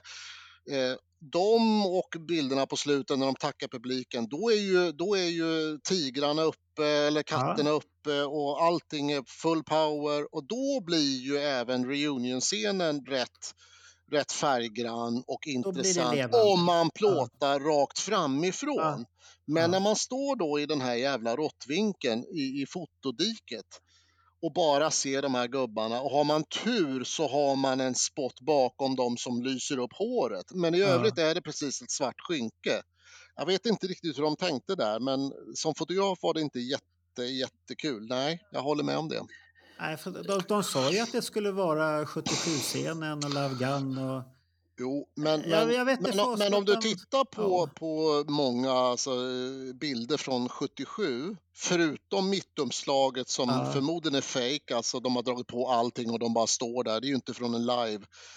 Nej, nej. Det, Det, det, det, är inte många bilder från 77 där allting exploderar och det är eld på scen och så här, utan där har de ju dragit på och vridit allting i max. Liksom. Eldarna brinner, alla lampor på och så är det plåtat en sån vinkel så att du får med hela scenbygget. Det är inte många andra bilder från 77 Nej, där, nej, där man, nej. utan det är också rätt så få lampor och, och sådär va. Ja. Jag, kan bara säga så här, från den här tiden som ni pratar om nu. Eh, dels det som ni säger att det var helt jävla hopplöst och eh, de bilder som jag lyckas få av folk, framförallt i USA, de hade ju det här problemet. De var Ja. antingen åt helvete för mörka och det spelar ingen roll ifall man stoppar den i en reprokamera och så bara gasar man på så att det blev jätteljus. Det löste ju ingenting. Eh, och, sen, nej, nej, nej. och sen i sin tur så upptäckte du att då var bilderna inte bara mörka, de var suddiga också. Man hade, en annan, man hade en annan inställning till det här då. Att, det är inte så noga. Det, det här löser sig. Medan idag, om man tittar på bilder, de är ju knivskarpa så in i he- Ja. Hälsingland. Och, och jag undrar lite grann, Mm. jag undrar lite grann så här. Jag vet att Kiss har gått ifrån att ha väldigt mörka scener, precis som många av de andra banden har haft. Det var ett helvete att få bra bilder. När hände det att det blev så här ljust på scenen? Samtidigt som när man tog bilder så vart det bra. Är det tek- Ska vi över i den digitala tekniken och i så fall, när hände det här? Vet ni det? Ja, det, hjälper ju inte med en digital kamera i början för de var inte bra. Mm. Nej, nej jag, jag kan inte säga, eh, sätta fingret på exakt vad det var som hände, men, men idag så känns det som att, att man, man utnyttjar ljuset och reflekterande ytor på ett helt annat sätt än vad man gjorde Mm. tidigare. Och även, även 80, 1980, det var inte heller någon någon dramatisk scenbygge med, med, med coola skärmar eller sådär och grejer som hänger ner. Idag är det ju det är ett konstverk idag att bygga en scen. Mm. Och, och just det att man, man har mycket ljus från alla håll så att det är just att det blir lite dramatik och djup i scenen. Va? Det Ja. fanns ju inte på, på, jag menar just som 96 är ju ett eh, urexempel på Mm. hur man inte egentligen ska sätta ljus. Det var ju Så- vad det var liksom. Ja, man var ju så exalterad att de var tillsammans, att de spelade igen och att de faktiskt kunde spela hyfsat i alla fall. Det, det var Mm. ju Peter Criss som var den svaga länken då och till och med Ace i, i, i vissa avseenden. Men, men, men det sket man i då. Han höll takten oftast och eh, Ace satte solorna. Ja. Det var ju det man var nöjd med liksom.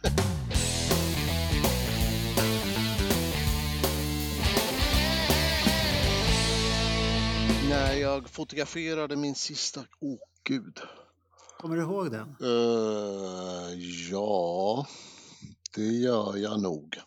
Jag tror nog att det var alltså professionellt, där jag står Ja. med en systemkamera. Ja, när, när du är med riktiga grejer, inte Ja, mobil. Inte I- mobil. Nej, jag hade ju visserligen en sån här liten G5 och, och, och tagit bra bilder med alltså en bra kompaktkamera. Det har jag gjort på några, alltså Oslo 2012, Malmö stadion 2010. Eh, Nöjd med riktigt bra bilder med tanke på att det är bara en liten kamera. För då, då lyckades jag ju också ställa mig på den här upphöjda lilla kabelrännan som de byggde upp i mitten Jaha, som drar okej. strömmen bort till ljus, eh, alltså mixbordet och allting. Mm. Så i mitten av scengol- eller alltså publikgolvet så kan man hoppa upp en decimeter och jag lyckades alltid hamna på den där så jag hade liksom fritt Mm. fritt fält fram. Va? Så att på några konserter har jag plåtat med en mindre kamera och fått bra bilder men naturligtvis inte de där close-upen Nej. som eh, Vasse ibland lyckas med när han står då eh, nära. Men, men den senaste, sista riktigt bra professionella det var nog London 99. Jaha, det var Det är, Eh, alltså, det är då- ett tag sedan nu. Det är ett tag sedan så att jag, Ja. jag känner, jag, jag hade med mig kamera även 2000 men det var lite kinkigt att få fotopass på den turnén där. Det var lite synd. Vi, Ja, då- försök, då- vi försökte några gånger men, Ja. men det, det ville sig inte. Och då fick du för dig att nu tackar jag för mig. Ja, lite grann så. Sen har jag ju känt att arbetsförhållandena som fotograf på, på konsert, det är jävligt mycket bök eh, med lite utdelning. Jag menar bara det här som hände i Dalhalla i somras när de fick stå på sidan i två låtar och Ja, plåta det, det, 30 meter Uff. ifrån. Du vet, man är ju färdig att ta livet av sig. Ja. Man är fotograf, man är laddad. Nu jävlar ska jag ta bra bilder. Och så blir man behandlad som en liten lort. Alltså Erik och Vasse, de var ju vansinniga. Men de ja, det, ju... det, det förstår jag. För, Ja. det, för det, det blir ju att man gör det med flit. Någonting som ska vara någonting positivt för bandet gör man väldigt svårt. Ja, ja. Ja, Jag, det- vet, jag, jag vet ju att eh, just på den här turnén 1990 så satt vi och pratade med Gene i, i en hotellobby någonstans ganska länge och jag frågar honom alltså, vad är det för tjafs med att man måste liksom eh, ja, gå därifrån efter tre låtar eller att Ja. ni tar kameran eller någonting. Det finns ju miljoner bilder på er. Ja, men de försöker begränsa. Han är ju väldigt protektionistisk med allt material. Han vill äga allt och köpa upp allt. Du vet ju hur Gene och. Paul resonerar. Så han sa då, nej vi vill inte att ni ska plåta mig under mitt bassolo när jag är svettig. Alltså vi vill inte att det ska finnas bilder där. Han var ju ärlig men Ja. så därför fick vi ju de här tre låtarna i början, vad det nu var för låtar, I stole love och, och sådär va. Och man får ju vara väldigt effektiv och få bra. Mm. Jag Men- tror att men- det men- var, ja, Men tänk dig då vilket problem det måste vara i dagens mobila värld. Där ja, du har mobilkameror som Samsung med. Så, se- sen vet jag själv att är det en kamera med 50 gånger zoom, det är ju hopplöst att plåta med en Ja, sån. ja. Alltså. Nej men det är ju digital det. zoom, det blir inte bra Nej, nej, va? det, det, det, de- de har äkta optisk zoom säger Ja, jag. men inte 50 gånger. Jo, det går, det, det, går upp, det är från Det är, 50... inte, det är inte fysiskt möjligt idag med Jo, mobilkameror. Sa- Samsung skryter om det där på ett jättefint, otroligt Ja, sätt. jag alltså. vet, men 50 gångers Ja. optisk zoom har jag ändå väldigt svårt att förstå. Men, men, men, du har ju ändå det här... Jag. Jätte, Mm, ja, jag förstår. jätte- Nej, men Gene är, ju, Gene är ju inte förtjust i mobilkameror, det vet Nej, du. Han, är- nej. dels är han förtju- inte förtjust i att folk står och kollar på mobilen när de vill att de ska Nej. kolla på honom. Det är ju en sak. Va? Men jag tror att han är förbannad på att det finns nu film, alltså filmer, framförallt filmer i 4K-kvalitet Ja. som folk filmar överallt från ingenstans. Jag menar, tänk det på 80-talet när man skulle försökte ta in en videokamera. Du vet, det var ju förbjudet. Eh, och de videokamerorna är ju tio gånger sämre än vad du får med din mobil idag. Jag, Ja. jag, jag vet att jag filmade Judas Priest här i Linköping här och plåta, filmade ett par låtar i början. Och så har jag dragit upp det på min storbilds-tv och kopplat till stereon. Tänkte, det här är ju för fan som en köpvideo. Alltså man blir förbannad och jag har Ja. ingen fancy kamera eller ingen fancy mobil. Nej. Men fan vad bra bild det var att men köra det, på det, 4K. det, blir, ja, det blir ju det, för 4K har ju så fruktansvärt mycket information. Ja. Så att det är läskigt då. Det är ljudet som inte blir helt jättebra, va? Men, men det kan man ju leva med. Va? Men, Men, men, men där kommer mobiler. Det, det, det kan jag ju säga att det var ju skrämmande här nu senast när vi var på konsert, Bernt och jag och Ronny och såg Electric Boys. Mm. Vi tyckte alla tre att ljudet var inte bra. nej. Sen lägger Bernt upp en jävla film och ljudet låter skitbra. Då blir det så här, fan vad är det fel på våra öron? Eller vad är det Ja, ja, ja, men så är det. Ja. Mm. Så att då är det läskigt. Då är det väl någon AI-mekanism som går in och, och håller på och harvar där och rättar till det.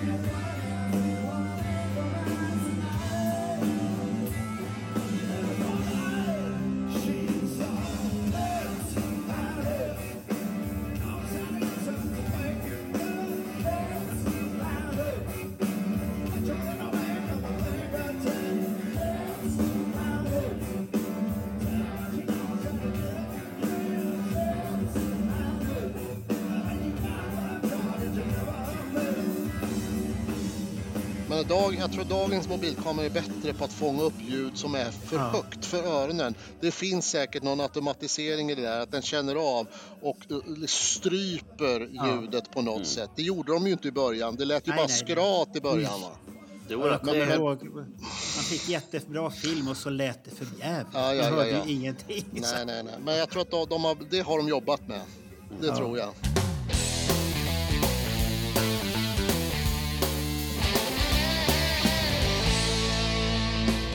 Hur, ser man en Ulf Lorenzi-bild? Hur känner man igen ditt sätt att fotografera? Oj, oj, oj, oj. Uh...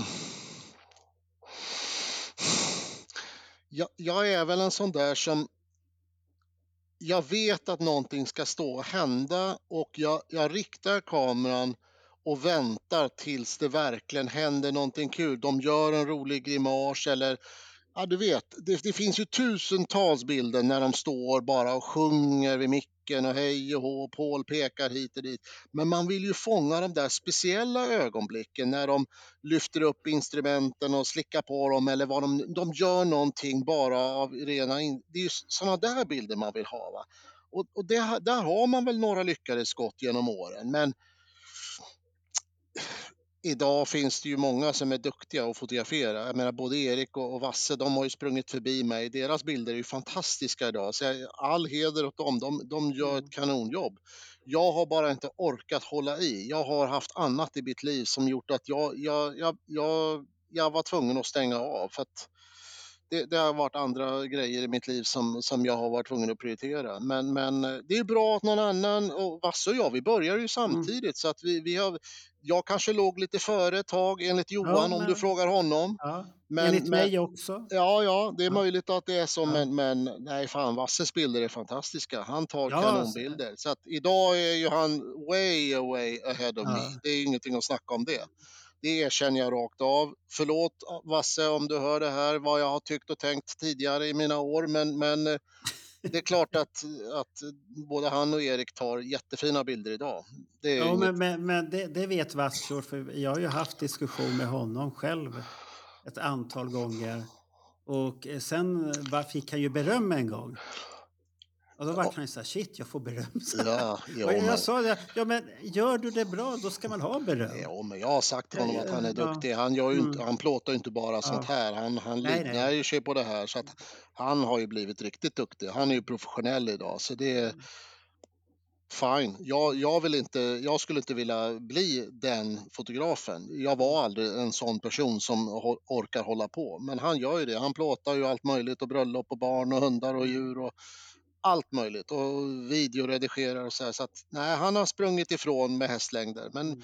men under en period så, så var vi jämbördiga och jag kanske låg lite före ett tag enligt vissa. Så då får det vara så. Hur, hur var du med tekniken där? Tog du till dig ny teknik? Var du så här att du själv efterbehandlade dina bilder i Photoshop eller något sånt där? Eller var du bara en fotograf? Du, det dröjde länge när jag började pula i Photoshop, alltså när jag fick bra scan. För jag, jag har ju bara i princip som, som professionell fotograf, om man, Ja. om man nu säger att jag var det, så jobbade jag ju bara med den analoga tekniken, alltså film då. Så att jag var ju inte så förtjust i den, de digitala kameror som kom där runt ja, 95, 96, 97. Det var inte mycket att ha tyckte jag. Det var ganska nej. dålig bildkvalitet. Så jag, jag tände aldrig till på det. Jag köpte ju faktiskt en rätt dyr eh, traditionell Nikon-kamera då, 98. Då hade de första digitala kamerorna kommit. Men, men jag köpte en dyr jävla kamera då med, för film. Och så småningom fick jag tillgång till bra professionella skannrar så att jag kunde skanna mina negativ.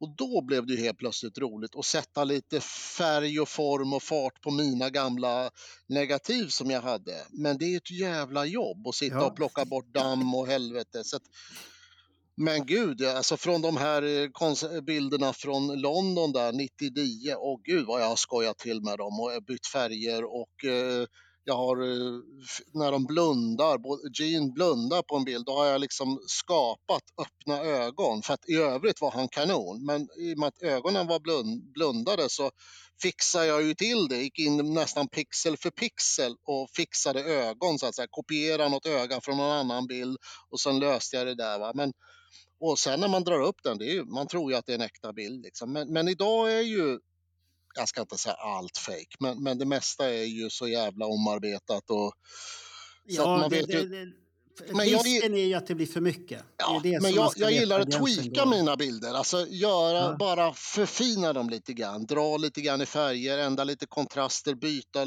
ta, ta bort någon mickstativ som sticker upp bakom ett huvud. Det kan man ju ta bort utan att man blir hängd liksom. Så Ja, att, det- eh, det, sånt där får du- man göra. Du, du gör ju bara bilden som du ville se den. Ja, precis. Så, Så att, så brukar jag kalla det. Det var så här jag vill se den här bilden och så rättar man till lite.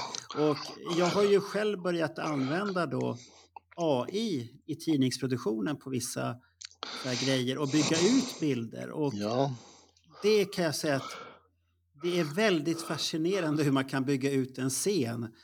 Och, det, ser- det, ser- du, och du lurar dig själv. Så var det inte så här från början? Nej, det var inte så där. Och det, det gjorde jag på den här special, Destroyer-specialen vi hade här nu. Med ett år, så olika händelser då, i, så varje år. Då. Och då finns det en bild på när killarna står i de här äh, elder i de här vita rummet. mm, jajamän. Ja, den bilden, om ni börjar titta under bilden, på, är en text ovanför. För jag ville att bilden skulle gå upp. Det finns ingenting där. Bilden är egentligen kapad en liten bit ovanför huvudet. Den har byggt upp en studio bakom. Ja, ja, ja, ja, ja. Och om man står och tittar så här, då blir det så här, shit, det var nog så där. Men du har sett de här bilderna där de har, eh, jag vet inte vem det är som har gjort det, men Ja. Kiss, Kiss Alive-omslaget Ja, och ja. fått med publik och allting. Ja. Liksom, även om det är en fejkad eh, fotosession, liksom, finns ju ingen publik när den där bilden togs. Det är jävligt fascinerande liksom. Det, Men- och, det, och jag gjorde det på en Oslo-bild här nu, för den, den var med i den här tidningen från 2010 eller 2008 från Oslo, något sånt där. Eh, och då är det en bild som... Det, publiken tar slut för fort. Och så bygger jag ut bilden med publik. Det går bra eftersom det är ryggar. Ja, ja. Så länge det inte är ansikten, för den, den, den gillar in, AI gillar inte att göra ansikten riktigt, för det har någonting med någon regel att göra. Hos Adobe i alla fall, för då säger de ajabaja. Ja, ja, men det, kan, där, det kan man ju förstå. Ja, ry, ryggar gick och det värsta är att det ser precis ut som att i den bilden att publiken tar slut här. Och jag har stått precis bakom alla och tagit en bild, ser det ut som. Då. Så att det, det, det har varit häftigt att man kan göra sådana där grejer. Men, men sen gäller det ju att använda med sunt förnuft. Ja, du får visa det. mig någon gång. Jag, Ja. jag är dålig på det där. Så att, Nej, så att det, Teknik, ja, nej, som sagt, Photoshop behär, behärskar jag ju skapligt. Inte Mm. Ja. i din nivå naturligtvis. Marco, men, men ändå så har jag ju suttit och pulat med bilder Mm. i många år så att jag, jag vet ju ungefär hur man, man ska få till en bra bild. Men ja, det är klart det- att det är roligt att, att pyssla med sina bilder och i och med att jag har jävligt många negativ från 88, 90, 92 där som jag skulle vilja göra någonting med. Så det är klart att tanken har ju varit att jag ska själv göra en egen fotobok någon gång. Men hur i helvete ska jag få tid med det? Dels skanna, Ja. bearbeta, jobba med varandra. Hur många mantimmar är inte detta? Jag, jag ser det inte hända. Men jag, det vore ju synd om ingen förutom jag själv får ta del av de här bilderna någon gång. Du, du har inte funderat som Peder, han sålde ju hela sitt bildarkiv.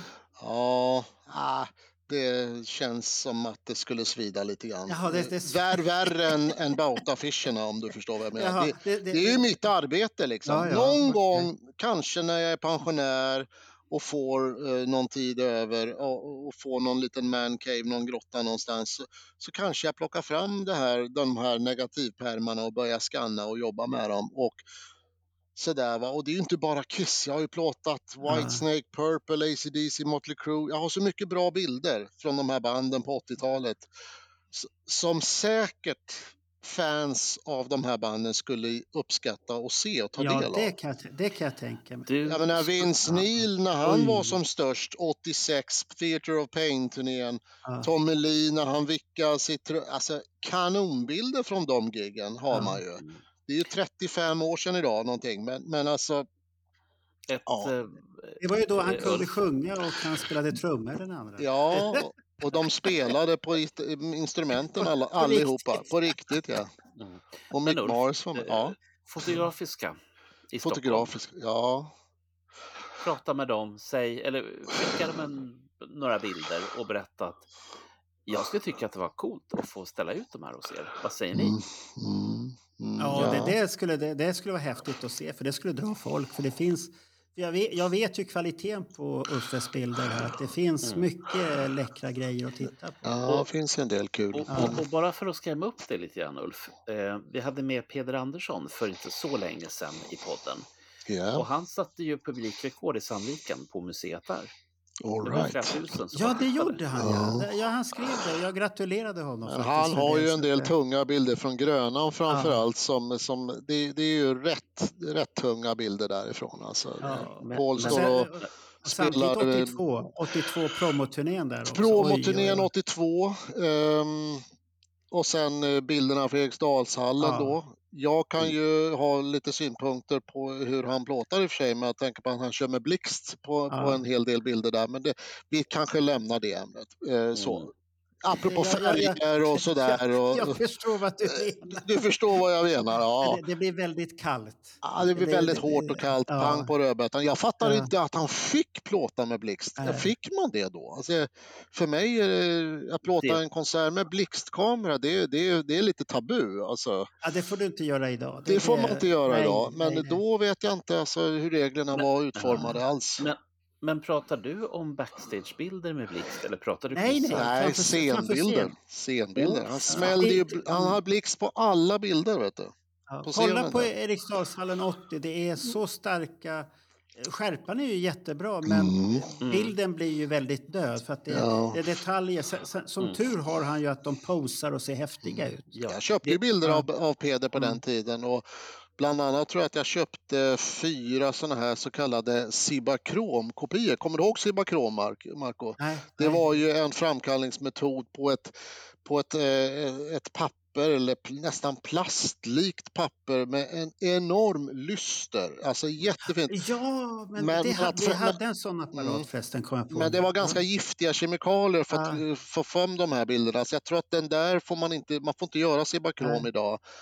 Men, men jag vet att jag köpte fyra bilder av honom där på 80-talet från just Eriksdalshallen och då, alltså det var ju en av varje, Eric Carr och uh, Freely och Simmons. Det var ju jättefina bilder men, men som fotograf har jag ju i efterhand tänkt på att har han plåt? Varför plåtar han med blixt för? Jag förstod aldrig riktigt det Den, där. den frågan skulle vi ha ställt till honom när vi Ja. hade men jag har ni, tänkte för aldrig den, den var ju viktig. Jag har så det- dessutom sett eh, bilder som jag tror han tog på Hovet 83. Där han har tagit blixt, men då har blixten träffat folk som står lite grann framför Mm. och som har fångat upp ljuset. Så Ja. att det är inte så mycket blixtljus som träffar Gene eller Paul. De är ganska mörka. Det, det här skulle Mm. vara jätteintressant att diskutera med honom, eller om ni kan göra det någon gång. Men Ja, hur ja, just de här bilderna blev till och varför han... Ja, för det, det var ju en ganska... Det fanns ju liksom färger och dramatik, men, men å, återigen, det kanske var för mörkt, jag vet inte. Mm. Nej, det, det kan, det kan Det ju ha varit det att... Men det, finns fanns- ju bra bilder från begränsningar. 83-turnén. Ja, Det finns ja. ju alltså, ri- riktigt fina, icke blixtfotograferade bilder från den turnén. Så att, ja, skitsamma. Men som fotograf vet jag i alla fall att jag har reflekterat över det. Varför man använder blixt på en konsert, just för att färger och sånt försvinner ju helt.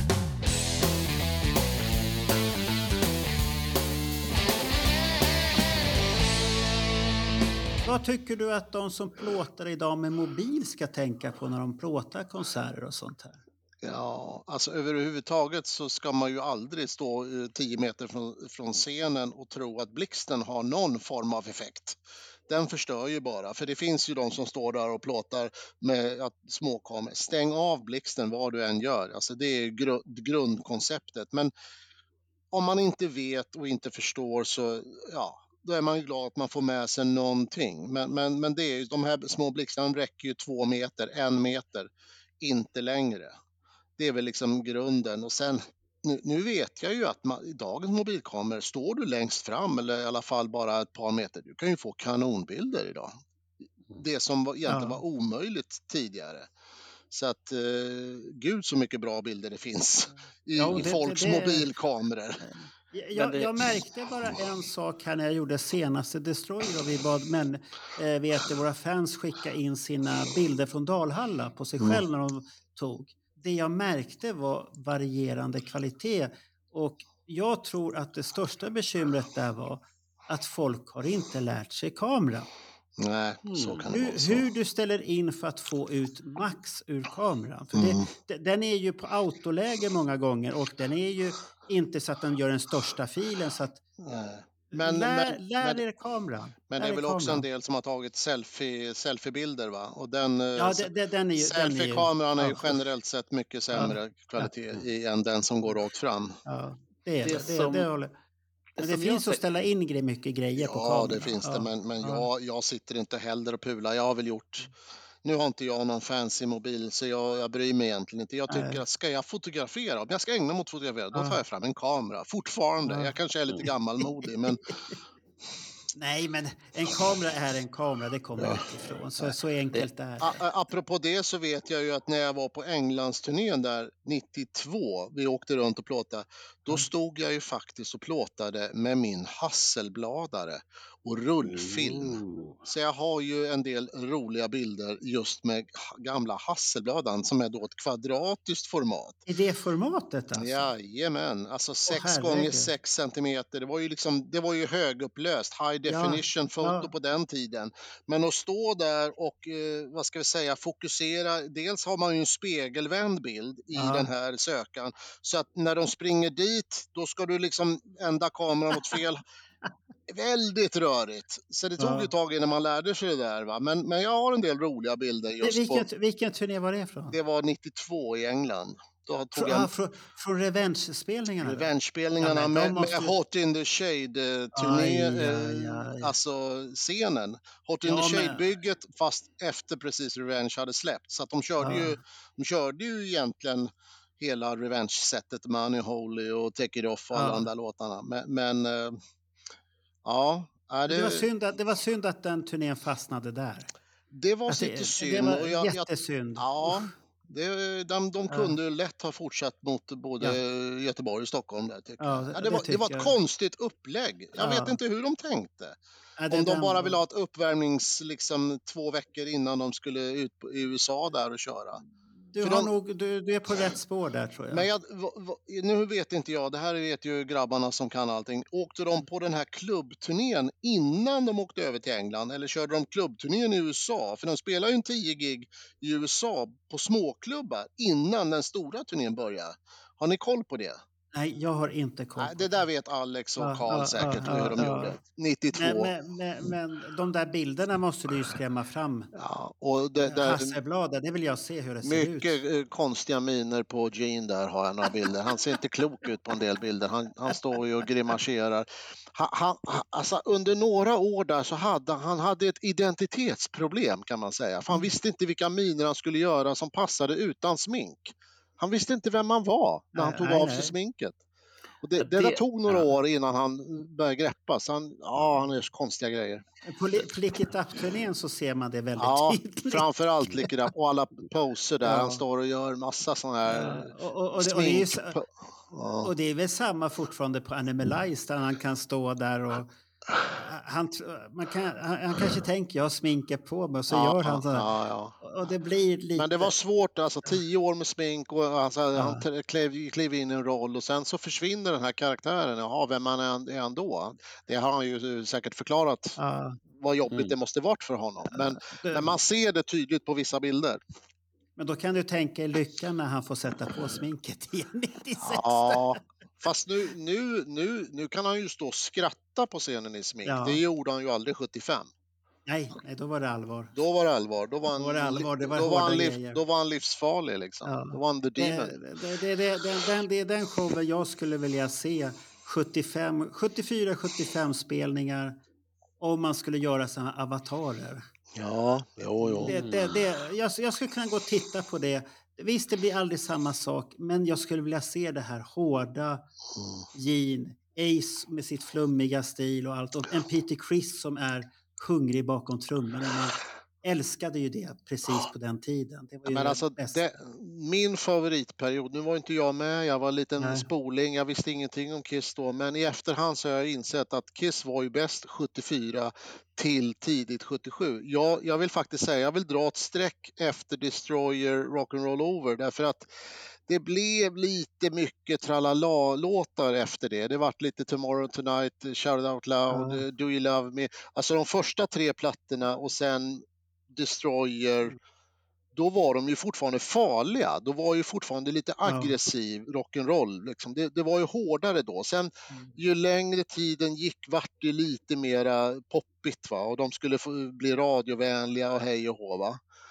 Sen kom ju jag naturligtvis in när de var som mest radiovänliga, men det är en helt annan historia. Till, när man tänker tillbaka så var de ju bäst 74 till 76 vill jag påstå, eller tidigt 77. Fast, fast Japan ut. 77 var ju fantastiskt till exempel. Jo, det, det, det, men jag stack ju ut här nu senast när vi pratade om soloalbumen så sa jag ju det att eh, Kiss var ju sena på bollen. Ja. Och det var de igen på disco, för vi pratade om att 78 när soloalbumen kommer, de kunde ha gjort en discogrej utav de låtarna som var redan då. Ja. Men de gjorde 79 och då var de sena på bollen redan, för då var Det- discon på väg att dö. Det är möjligt. Ja, jo, Mm. 79-80. Det, det Ja. kanske var 76 till 79 som diskon Ja. hade sin storhetsperiod. Ja. Ja. Ca- det- det Casey det the mycket- Sunshine Band och du vet Ja. allt det här va.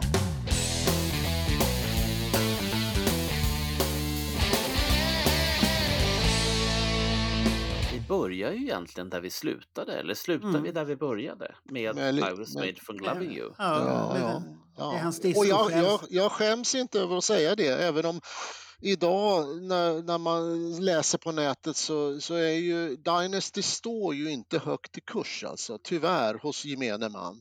Och det tycker jag är synd, för jag, den plattan förtjänar respekt. Jag tycker den håller än idag. Oavsett vad man tycker om I was made så tycker jag det är en bättre platta än vad, vad den eh, omskrivs. Men, som men ärligt idag. talat, I was made är ju inte dålig i sig Nej. själv.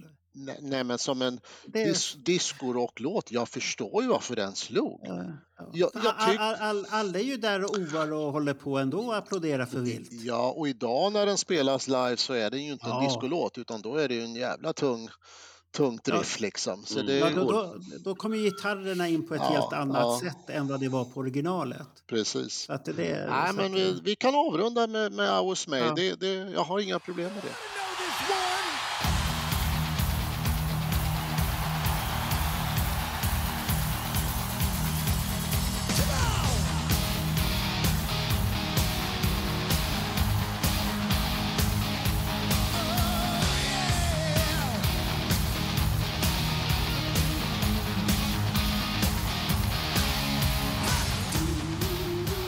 Hoppas att ni har haft det kul med, med att snacka med en gammal, gammal gubbe som mig. Jo, det, det är alltid kul att prata med Ulf. Och ändå är jag yngst i, i, gänget här. Det är ju det som är det sjuka.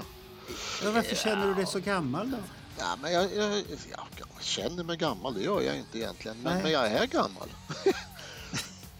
Alltså, Ja, det får du sluta Ja, Ja, tänka. men när man var 20, hur betraktar man... eh, Du vet, eh, ja, Ulf 55, då är ju livet över. Nu är ju inte livet över Nej, på nej. långa vägar. Jag ska fortsätta så länge det bara går. Men, men du vet, man tänkte så här, när man, när man är 55, då är det ju verkligen slut.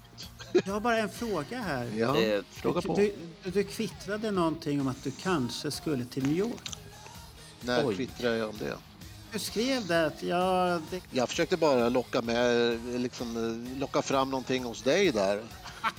Men nej, jag, jag hade inga planer på att åka till New York jag, den, den du andra. trodde att jag smög, satt Ja, och smyghöll på Ja, någonting ja, där. du skulle iväg också. Nej, nej, nej. Nej, nej, nej. nej, men nej, det- det- Nej, men det- jag, det- jag, jag tog farväl på Dalala. Ja. Egentligen så tog jag farväl på Skandinavien 2017 för då trodde jag att det var slut. Men så Ja. vart det ju The End of the Road och så vart det Skandinavium och eh, Tele2 och så vart det ytterligare en sommar vilket var helt osannolikt förra sommaren. Men Ja. nu blev det som det blev och då var det bara att löpa linan ut.